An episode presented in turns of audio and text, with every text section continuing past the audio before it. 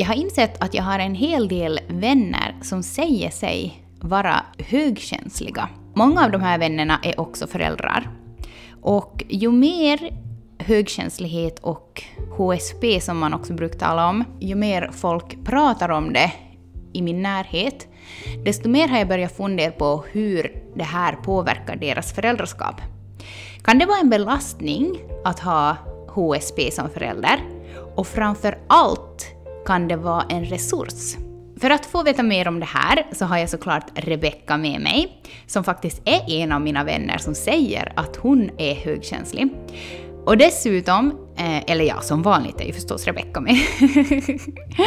och dessutom så har vi också bjudit in min andra kompis Jessica, som också är högkänslig och mamma till två. Men först och främst, före de kommer in hit, så tänkte jag att jag skulle berätta lite som jag har tagit reda på från HSB Finland. Eh, vad det innebär att vara högkänslig och hur vanligt det är.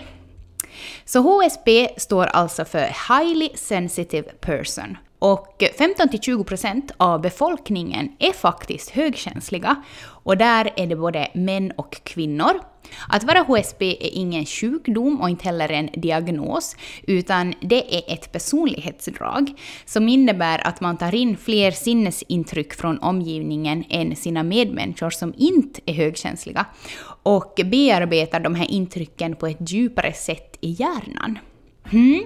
Vi ska alltså prata mer om det här och jag ska försöka ställa så mycket frågor som möjligt till Rebecca och Jessica nu så att både jag och ni får en bättre förståelse för högkänsliga föräldrar.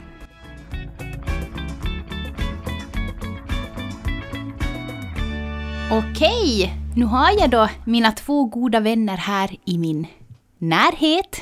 Jessie och Rebecca. Det känns som att jag är gäst i min ja, egen jag podd. vet. Ja, det känns så. Det känns som att jag är programledare idag. och Jessie, välkommen med i podden. Tusen tack. Tusen tack. Vi har ju pratat länge om att det skulle vara kul att du skulle vara med på något hörn. Mm. Och nu fick du äntligen vara med Tom. Ja. Ja. Ni är ju båda högkänsliga. Och det är ju inte jag. Nej, men jag skämtade när vi satt ner oss här att, att det behövs som två högkänsliga för att balansera upp en icke högkänslig. ja, verkligen. Men Jessie, du är ju från Essi. Kan du säga något kort om dig själv?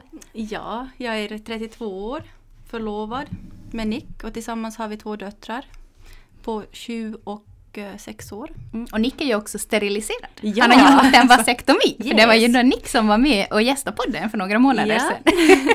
Så ni kan ju lyssna på det avsnittet Ja. efteråt. ja. Ehm, jag tänkte att jag ska så här, att vi börjar med att jag läser upp eh, några drag som många högkänsliga brukar känna igen sig i enligt en artikel som jag hittade på Svenska Yle. Okej, så ni får helt friskt vågat hälften vunnet skrik hepp om det stämmer in på er. Okej, jag blir upp i varv på ett obehagligt sätt när det pågår mycket runt omkring mig. Japp. Jag har lust att gömma mig när det blir konflikter i luften. Yes. Ja. Jag blir exalterad när jag hör riktigt bra musik. Oh yeah. Ja. Jag har lätt att få dåligt samvete. Mm. Ja. Höga ljud, starka lukter eller skarpt ljus kan irritera mig mycket. Japp. Ja. Jag blir stressad om någon ser på mig när jag arbetar eller ska prestera. Japp. Japp. Jag är samvetsgrann. Japp. Japp. Under stressiga dagar behöver jag dra mig undan till sängen, till ett mörkt rum eller vart som helst där jag kan vara i fred och få eh, en paus från alla intryck. Ja. Vad intressant hörni. Eh, jag måste riktigt tänka liksom vilka som stämmer in på mig. Mm. Det var kanske det här med musiken då. Att jag blir exalterad när det är bra musik. Jag sjunger ju typ alltid. Går och nunnar på någonting. Ja. Jätteroligt att ni vill liksom öppna upp kring det här ämnet för att eh, jag tycker som att i vissa medier och i vissa forum så tycker jag att det är som på något sätt lite känsligt kring det här att vara hö- högkänslig. Men idag ska inte vi vara känsliga av oss, Nej, jag, Ni är som ju jag sa- överkänsliga. Nej, men som jag sa till dig också här inför att det är lätt att prata om det tycker jag med människor som jag vet att på något sätt förstår det. Men Mm. annars tycker jag att det kan vara ganska svårt att ta upp det ibland. Mm. Ja, och jag skulle vilja få fram mig mer, för oftast när man pratar om att man är högkänslig så får man en reaktion utifrån att ja men allihopa är väl känsliga mer eller mindre. Att det är väl inte något speciellt med det.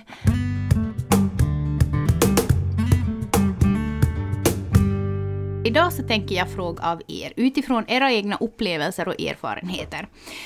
Um, just det här med att vara högkänslig kombinerat med att vara en förälder. Jag tänkte helt rätt och slätt fråga av er att hur anser ni att högkänslighet kan vara liksom en belastning i ert föräldraskap och hur det kan vara en resurs. Och jag tänkte att vi börjar med den här belastningsdelen, det låter ju jättehemskt. Men på något sätt där, eh, där ni tänker att eh, er högkänslighet inte liksom går så bra ihop med ert föräldraskap. Jag har ju ett jättestort kontrollbehov. De ska ha som, hem måste vara perfekt. Jag får som inte känna misstag. Jag gör allt för att undvika. Mm. Men blir det som negativt på så vis då att du... Eh... Ja, alltså jag, jag håller ju i tyglarna för hårt. Okej. Okay. Om du någon gång då känner att du har sagt fel eller att du har gjort fel, hur tar det sig då i uttryck för dig? Jag går ju och tänker och ältar, ältar jätte, jättemycket. Till exempel när när jag fick mitt första barn, så, men till exempel amningen och sådana saker som på något sätt har varit viktiga för mig, mm. så har varit som så också på en känslonivå. Det har liksom inte varit, hur ska jag nu säga, det har inte varit liksom bara sådär att det här vill jag göra och det här gör jag för att det ska funka och funkar det inte så funkar det inte. Det har liksom inte funnits i min värld. Så det har varit så mycket ältande att om jag tidigare har varit känslig och liksom älta saker. Vad har jag sagt? Vad har någon annan? Vad tänker de om mig? Tänker de att jag är dålig mamma? Nu är jag rätt? Gör jag rätt? Allt det här. Så sen när man får barn så blev det för mig som att det, det bara dubblades. För att oavsett när man blir mamma så blir man ju ofta som extra känslig i början. Om man, men det blev på något sätt som att det blev upphöjt till en så hög sån nivå att det nästan fick mig utbränd. För jag fick som inte, vet du, mm. jag fick som inte ett lugn i att det är bra, jag gör tillräckligt. liksom. Det bara snurra och snurra och snurra och snurra. Sen, sen när, när jag på något sätt lite braka så då började ju Jimmo kanske förstå det. Men att det tog ganska länge som det bara var i mitt eget huvud också just för att han inte är högkänslig. Så kanske han inte förstod hur mycket det snurrar i mitt huvud när jag började övergå från amning till, till mat åt barnen, så jag mixade, jag kokade, det var ekologiskt, inhemskt och det skulle lagas från grunden. För hade jag läst att det är bästa för barnet. För mig skulle det vara det perfekt, så man la ju jättemycket tid och energi på att koka, frys in och följ reglerna till punkt och pricka. Står det att de, de mår bäst av husmanskost, så ska det vara så. Och så vill man ju ha de bästa inhemska varorna. Och det blev ju som, det var aldrig tillräckligt bra oj, jag vill flaskmata, det kanske skulle underlätta koliken till vår förstfödde lilla tjej. Men nej, flaskmatning, nej, jag skam, för det är bäst för barnet. Och det ger ju så mycket press fast jag kanske inte vill eller känner för det, så gjorde jag för att det är bäst barnet. Fast det kanske inte var bäst för mig. Är det som att du alltid måste ta reda på vad som är det bästa? Ja, du kan ta jo, ett beslut? Jo, jag vill ha kontroll och jag är väldigt målmedveten. Men det tar också mycket energi. Man blir ju hjärntrött. Märker du att det har ändrats med åren? Alltså, liksom från att du fick ditt första barn har det blivit lättare eller har du på något sätt kunnat släppa på det eller är det som är det på samma sätt? Tar det lika mycket energi i samma saker ännu som det gjorde när du blev mamma? Nej, det är nog likadant. Nej. Jag hade jätte ett kontrollbehov um, när Alma var liten och kanske ännu när Thea var liten, när, jag, när det var liksom jag som var primärt hemma med dem och och känner igen jättemycket av det du berättar om, men var väldigt som så här, jättehård med mig själv och älta jättemycket saker och det måste som nej men jag ville liksom att jag ville ha koll på läget och kanske också, också eftersom att jag var så otroligt trött så var det som att rutinerna var jätteviktiga för att det var typ det enda som fick mig att hålla mm. liksom samman. Men jag upplever att sen vi fick tredje barnet och delvis också för att då kom pandemin och det var som att det kastade omkull hela mitt psyke, hans förlossning och undantagstillstånd och ingenting blev som planerat.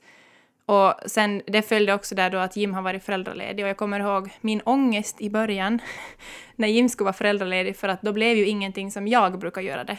Alltså att ge över på något sätt det ansvaret som, som jag hade haft koll på, de rutinerna som jag hade skapat, så var jättesvårt för mig och jag ältade jättemycket. Men sen på något sätt när jag accepterade och har jobbat med det och kunnat släppa det så har det lättat som på mitt kontrollbehov till barnen jättemycket. Och det känns jätteskönt för det tog också jättemycket energi av mig. Alltså, det var som att det, det där behovet liksom att hela tiden ha koll på läget och se att, att det blir liksom det bästa vad det bara kan bli och att jag är så hård mot mig själv. Så det var som att det, det tog så otroligt mycket energi. Vad är det ni berättar här nu? Att det måste vara hela tiden perfekt och liksom att ni ska alltid känna att ni har gjort ert yttersta? Då före Jim blev föräldraledig och du kunde släppa Alltså för, det menar jag. för mig var det nog kanske främst var det att jag känner att jag alltid har gett, oavsett vad det är så vill jag alltid känna att jag har gett allt jag kan av mitt hjärta och min själ och liksom av Ja. min kunskap. Eh, kanske nog främst det. Okej. Eh, men sen nog, alltså, sen har ju liksom föräldraskapet har lärt mig i min högkänslighet också att, att acceptera att inte det alltid blir som man har tänkt sig. Det blir inte perfekt. Och vad är ens perfekt? Kanske då främst för att det, det körde slut på mig och att jag blev utbränd på grund av att jag var så slut i alla mina tankar och att jag var så trött liksom. Man vill ju så väl så det blir för mycket. Ja, jag tänkte också att, att då du säger, eller då ni säger liksom att vad är bäst för mitt barn och sådär, men att om det slutar med att man är helt på kvällen typ, fast ni har verkligen gjort ert bästa så tänker ni ändå att vad skulle jag kunna göra bättre? Där sa jag någonting fel. liksom att blir Ja. det så? Blir det inte då liksom lite Ja, pannkaka alltså man- i slutet? Man, i man, ja, alltså man är ju helt slut. Ja, ja. Man skulle vilja byta ut. Jag är så avundsjuk på min sambo för han, han är ju så mentalt stark. Och Men, jag, men jag, tycker nog att det, jag tycker nog att det låter som att man måste vara ganska mentalt stark för att ens kunna hela tiden tänka sådär att vara att nu ska jag göra mitt yttersta, vad är mitt yttersta och också sen skrida till verket och göra det. Jag tycker inte att det låter som att ni är mentalt svaga på något sätt. Nej. Utan mer kanske bara att det är jättemycket på gång i ert huvud. Mm.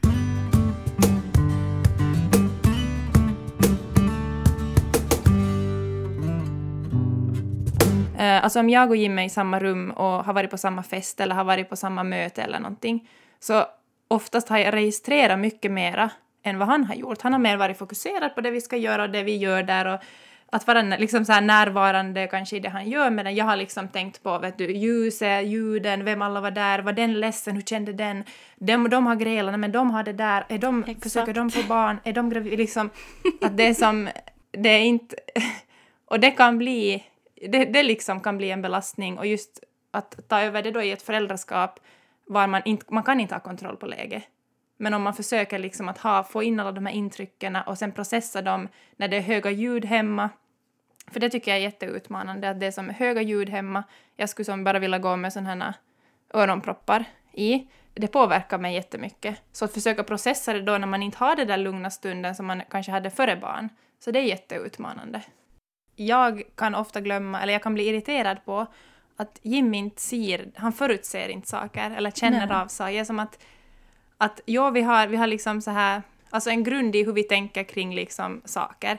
Sen är jag alltid så där att när jag ser barnet i fråga så måste jag ju också känna efter i stunden att vad behöver hon eller han just nu? Och liksom, alltså fast vi har regler, men ibland måste man kanske inte hålla alla regler om man ser att nu, nu är det sånt läge att nu måste vi göra på ett annat sätt. Men han är mer sådär, men vi har sagt att vi ska göra så här, då gör vi så här. Och jag är som att, men ser du inte att hon behöver någonting helt annat? Och han bara, nej. Eller som att, och det, det, det kan skapa liksom frustration oss emellan att, att vi är så olika där och speciellt med det barnet som är, som är högkänsligt hemma hos oss, eller som är känslig, så, så kan det liksom, så urartar oftast liksom i ett utbrott. Om, för att jag, jag på något sätt stoppar det där utbrottet före det händer, för att jag känner på mig att det kommer att hända. Medan han inte gör det. Så belastningen där är egentligen då att, att det liksom kan ibland tär på relationen föräldrar emellan. Ja, och just också det där, alltså tidigare, där är jag inte, jag, jag tycker inte att jag ältar så mycket, så mycket mera. Men tidigare, så, där kunde det också belasta kanske relationen att jag behövde prata om saker jättemycket. Jag behövde, just det där liksom att vi, när vi hade börjat ge tutt och jag hade fått för mig att, men att man måste sluta med tutten. De hade sagt på rådgivningen att när barnet bör, liksom var det nio månader så då ska man borde sluta, för annars kan det bli dåligt för tänderna. Men vi hade inte fått henne att sluta, så det där ältade jag liksom i månader Ja. och pratade om det och tog upp det och var som att Eh, Och det, det kan också göra att, att han blir liksom helt trött. Att, men snälla sluta! Liksom, Ja. ält, sluta älta det. Att det här, nu har vi tumistid, att måste vi sitta och prata den där jäkla tutten. Ja. Men hur är det med sån här, eller som, jag vet inte men som, den uppfattningen jag har nu då fått kanske lite sådär av mina vänner som är högkänsliga, så här, att, att ni behöver ganska mycket tid för er själv. Just för att kanske bearbeta allt det här som ni tänker på, tuttar och barnmat och, och så här. Och hur går det ihop med föräldraskapet? För där får man ju typ aldrig en lugn stund. Nej. Och, och det där är någonting som jag börjar, börjar läsa om, och för jag kände ju mig, just när man läst om typiska högkänsliga, så var det ju att man behöver tid ensam. Man, man tankar ju energi av att vara ensam. Och där känner, känner inte jag igen mig. Mhm. För jag får ju energi av att umgås med det som jag är trygga med och mina vänner och nära. Det ger mig så mycket. Mm. Okej, så du behöver som inte så mycket sån här tid Nej, men jag, att... be- jag behöver ju jättemycket tid för att bearbeta allt vad jag varit med om. Har jag varit på en fest med mina vänner och haft jättekul så kan jag inte bara gå hem och gå och sova utan jag måste tänka igenom och diskutera igenom hela kvällen vad hände och, och det här fr- från början till slut. Mm. Och då först kan jag som gå och sova. Men i vardagen så är det ju jättesvårt. Jag kan ju inte som slappna av i vardagen. Jag, jag, jag tar mig inte den tiden. Men häng- hänger det också då ihop med det där att du måste vara perfekt och du måste vara närvarande hela tiden och vet du, som att, att det tar av dina barn? För, för, ja, hej, för om jag får ett, om jag ber sambon och barnen att gå ut och jag ligger ensam i en säng och försöker tänka så kan jag inte tänka för då känner, får jag dåligt samvete för att jag inte är med familjen. Ja, just det ja. Intressant. Oj, oj, oj. Då får, man, har ju som dåligt samvete hela tiden fast man inte gör någonting. Fel, man gör bara fel för sig själv enligt ens egna uppfattningar vad som är rätt och fel. Och det är ju som, ja, jag tänker ju som fel. Men tänker du aldrig så här typ om barnen typ fan någonstans bara åh herregud vad skönt. Jo, Ja, alltså, fa, det bara vi får till mormor som bor nära så man säger yes, egen tid. Okej, för att då var det liksom på deras, att när Men- de då väljer själv att vara bort från dig, då är det okej typ. Ja, men då kan jag inte slappna av. Då kan jag som inte bara, ja men nu ska jag lägga mig ner och scrolla på telefon eller vila en stund. Utan det är, jaha, men nu har jag tid att städa, tvätta, diska, göra mat, vika kläder. Så Jaha. gör jag allt sånt. Så Sen när de kommer hem så är jag dem slut. Bara, jaha, okej, här har mamma vilat. Känner du igen dig i någonting det här Rebecka? Jag känner igen mig igen tills för typ ett år sedan. Alltså jag tror att nu har jag på något sätt kommit till någon, någon sån där... jag- Alltså jag blev så trött på att ha dåligt samvete. Och jag blev så trött på liksom att... Att känna mig som en dålig förälder oavsett vad jag gjorde. Så jag har som pratat jättemycket om det, kanske också bearbetat det jättemycket och som att hur kan jag bryta de här mönstren? För att jag orkar inte jag orkar inte liksom känna mig dålig hela tiden och misslyckad hela tiden och känna att jag borde prestera ännu bättre och ännu mer och att... Men tänker du, Jessie, då hon säger sådär, jag tänker som att vill du vara annorlunda? Skulle du Nej. vilja att det skulle vara på något annorlunda sätt då? Nej, egentligen inte för att, att jag är ju en högkänslig person och det är ett personlighetsdrag jag har. Men samtidigt är jag också en helt egen person som är jag. Alltså, jag, kan, jag har som svårt att slappna av. Och det är någon, så har jag alltid varit. Men skulle du vilja kunna slappna av då?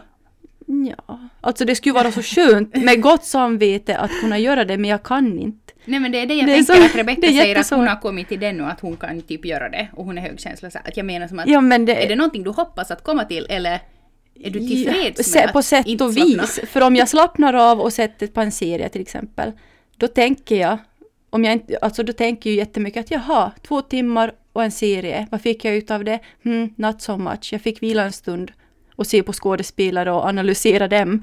Men jag hann inte vika tvätten så nu måste jag göra det imorgon. Nu straffar jag mig själv.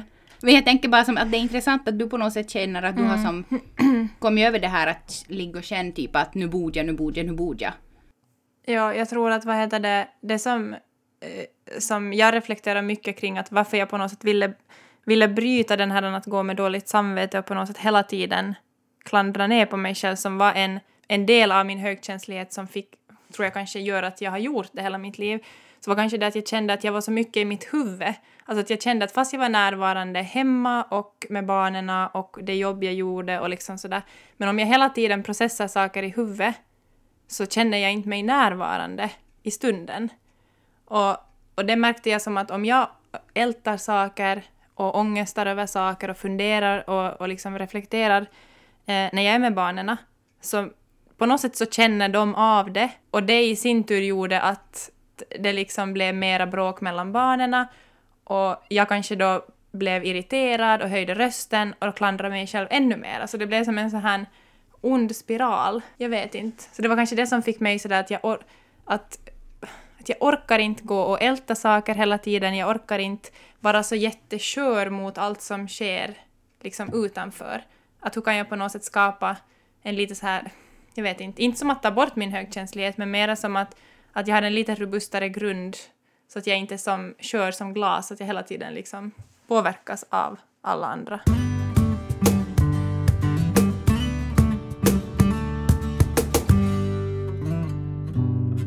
Okej hörni, och nu det som jag kanske är mest nyfiken på. Att hur kan högkänsligheten vara en fördel i föräldraskapet? Jag gissar att ni har lättare att sätta er in i era barns situationer oberoende då sen vad det är för situation. Vad säger ni om det? Jo, jag tycker att jag ser deras behov och känner deras behov. Ja. Eh, och det är kanske någonting som sådär ganska kännetecknar, sådär om jag ska beskriva kort, sådär hur jag upplever min högkänslighet, att jag känner det verkligen i hela kroppen och är som att det gör ont i min kropp och min själ Det känns ända in i hjärtat. Ja. Och det är ju, men det är ju också just som, om vi pa- tänker på det positiva, så är det ju verkligen en, tänker jag, en fördel just i att, att man kan se på sitt barn jättesom tidigt och tydligt och se vad det känner kanske också utan att den ens har kunnat säga det. Och det där är ju nog någonting jättebra.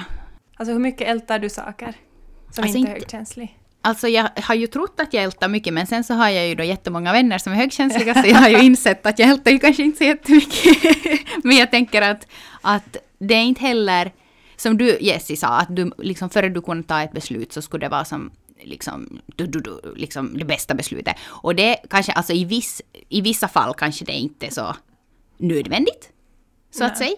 Men sen i andra beslut som faktiskt kanske är avgörande eller sen jätteviktiga liksom för barnets liv så att säga, ehm, där är det ju en fördel.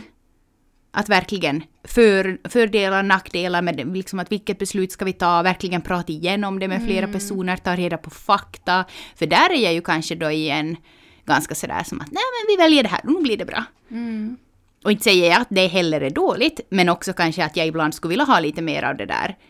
Att nu ska vi ta reda på, nu ska vi faktiskt gå till grunden med vad som är det bästa beslutet. En medelväg där, tänker jag ofta som förälder skulle vara jättebra. Och därför är det kanske också bra att man är olika. Jag tänker att skulle jag och Jim båda vara högkänsliga så skulle det nog bli väldigt, väldigt ältande och, och vara ganska tungt.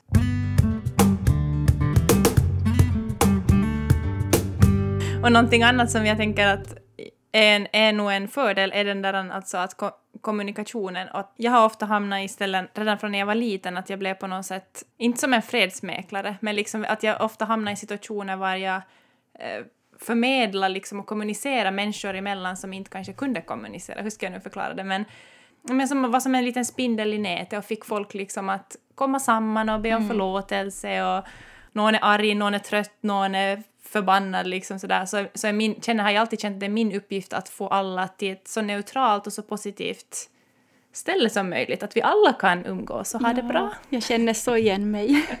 Hur- Så ni kan alltså ta det som tillvara på det då i föräldraskapet till exempel när det handlar om syskongräl eller? Ja, och nej men så att jag, jag känner att jag har väldigt lätt att anpassa mig efter vad jag känner att den andra behöver. Och det, det kommer till positivt också som syskonen emellan om jag inte är som för trött och i obalans. precis. Att jag har alltid känt att jag var lite som en kameleont. Ja, Och det, det är ofta också en fördel. Men att det kan bli en belastning, men att det finns jättemycket fördelar med det också. Men jag tänker liksom att har man de rätta verktygen så är det väl absolut en fördel. Absolut. Ja. Man känner ju sig som att det här är ett heltidsjobb som vi har. Det är vår livsuppgift. Mm. Vi anpassar oss och vi ställer oss efter andra så vi själva också mår bra förstås. Alltså jag är ju jättekonflikträdd. Jag gör ju allt för att undvika konflikter och drama. Men jag gör också, om det uppstår någon gång med någon annan, så är jag oftast den som rider upp. Du vill liksom få Jag det vill bort. hjälpa, ja, och Ja. jag är ju extremt nyfiken på hur Mm. människor fun- fungerar Mm, och deras tankar och relation, relationer med andra. mm, Ibland är det ju också negativt att man kanske lägger, i sig, lägger sig i onödigt mycket. Mm. Men man är så nyfiken och man- vill gärna se båda sidorna. Ja, men det där just med nyfikenheten, så det, det, det tycker jag som att det är gemensamt för alla mina kompisar som är högkänsliga. Att ni är så jävla nyfikna. Nej, jag skojar bara. Nej, men på ett positivt Vad sätt. har du för trosor på dig? Så är det i förhållande? Nej, men alltså som genuint nyfikna och intresserade. Mm, verkligen. Ja, Och det tänker jag också förstås att det är en jättestor fördel i tror- föräldraskapet. Ja, absolut. Jag tror att man vill se baksidan på, så får man som spinna vidare, att man, man vill verkligen veta, man vill som komma in och få som, man vill få det där korrekta svaret som man tänker att, eller jag ser att du är glad och jag vill veta varför. Har ni ännu några fördelar ni kan komma till tänk på? För jag, jag tänker ju som att en stor fördel med att, om man får säga, jag som inte är högkänslig. Nej men som en stor fördel med att vara högkänslig som förälder är ju om ens barn är högkänslig. Mm. Och lite en belastning också för att, eller jag, inte en belastning, men kanske där jag har också lite rädsla kring när jag ser känsligheten och kanske det jag själv har fått gå igenom för att jag har varit så känslig, så har jag också liksom rädslor att hur, ah, ska de också måste ta sig igenom det, eller hur kommer hon eller han att bli bemött och liksom men samtidigt så vet, har jag ju hit, redan hittat verktyg Mm. åt mig, så jag kan ju som... Kanske ge dem en, en liksom på något sätt lättare start i sin resa. Ja, att lära känna sig själv som högkänslig. Mm. Och åtminstone inte föra vidare det som jag upplevde att många var sådär just att sluta vara så känslig, så det skulle jag aldrig säga. Mm. Det skulle jag aldrig säga till mina barn, utan mera sådär att ge dem verktyg att processa det de har liksom varit med om. Och det jag gör med mina barn som är högkänsliga är att jag försöker, alltså vi gör sådana olika avslappningsövningar för barn liksom. För att de har jättesvårt att på något sätt släppa dagen. Och det är någonting jag kanske själv skulle behöva hjälp med ännu mer som barn, att på något sätt, hur ska jag hantera mina känslor?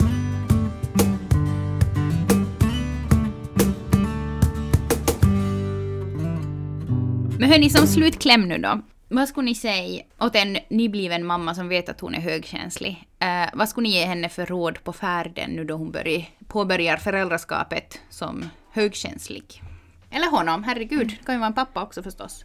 det som, den delen som högkänsligheten triggar saker som var tunga och jobbiga, som det här ältande som, som jag på något sätt inte fick stopp på sen jag blev förälder. Så det önskar jag att jag på något sätt skulle börja jobba med och varit medveten om tidigare. Att det inte skulle behöva gå att jag måste liksom typ bli utbränd för att det var så tungt att jag alltid skulle vara liksom det här perfekt och jag skulle fixa det och det skulle vara på ett visst sätt och jag skulle ha kontroll. Så jag kanske skulle säga åt en mamma att, att på något sätt hitta andra föräldrar som är liknande. Om man har lyckan att man har en vän som är högkänslig och som har barn, att ha någon att, att prata om det med som förstår. När man är hemma ensam med barn så jag, jag behöver få prata med vuxna. Så det här på något sätt att, att hitta ett sammanhang, vänner, andra föräldrar, var man kan få connecta med någon som är li liknande och som tänker på lik liknande sätt. Eller annars en vän som inte är högkänslig men som man Som kan orkar börja höra som på öppna upp om. Exakt. Ja. Okej, men Jessie, om du skulle svara på min andra sista fråga här. Eh, har du några goda råd åt en medförälder som lever med en högkänslig partner? Kanske att inte tassa runt. Nej, men som säger att de måste på något sätt stå stadigt. Och liksom vara säkra på sina sa- sin sak då, eller? Om man lever med en högkänslig person, eller, eller hur menar du inte? Alltså? Nej, nej men att, att det här, om, om man säger att man är högkänslig, Mm. så kan vissa tänka att oj hon är högkänslig, att säger jag att flytta på dig så kanske hon blir ledsen, att jag måste ju som vara försiktig så jag inte sårar henne. Mm. Och då gör det ju att jag får dåligt samvete för att de måste anpassa sig till mig. Det är ju jag som ska anpassa ju- mig till dem. Det var ju exakt det som vi hamnade i här Karro för en vecka sedan. att, när du, du skrev ju någonting åt mig men, att, men jag visste inte att skulle du bli, eh, börja fundera på det. Ja, exakt. Och det var ju också som att då får jag ju dåligt samvete. Och därför, men därför tror jag det är bra som att våga säga det liksom att, att man behöver inte, hur ska jag nu säga att jag, Någon behöver inte ställa om sig på grund av mig, Nej. på grund av att jag är högkänslig. Att fortsätta med ditt race, jag anpassar mig och jag drar mig, drar mig själv undan ifall jag tycker att det inte passar, fast jag har svårt att säga nej. Och det viktigaste som, just sådär också att fast, fast jag skulle som bli ledsen av någonting eller någonting så är som mi, mina barn bråkar så de skriker, ni hör säkert. Men är ändå liksom att våga vara ärlig mot varandra. Jag tar hellre en ärlighet som jag inte som gör mig ledsen eller som väcker känslor i mig än att jag måste börja analysera att vänta vad tänkte hon, vad funderar hon, hur tänker hon, hur tycker hon. Att, att hellre så, alltså ärligheten på något sätt är så, är så viktig. Ärlighet varar längst. Ja.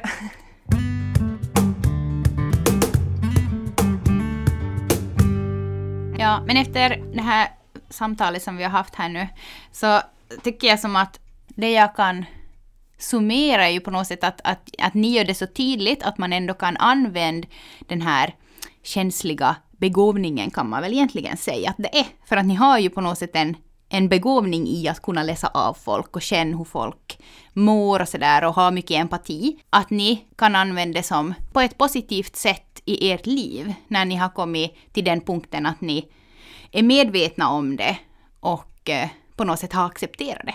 Istället för att försöka anpassa er till omvärldens mall där mm. känslighet ju ofta är synonymt med svaghet. Jag tycker ni är allt annat än svaga. Stort tack igen för att ni vågar öppna upp om det här. Vi hörs igen nästa vecka. Ni hittar oss på Instagram, föräldrasnack. Ha det så bra tills det. Hej då! Hej då! Hej då! Hej då!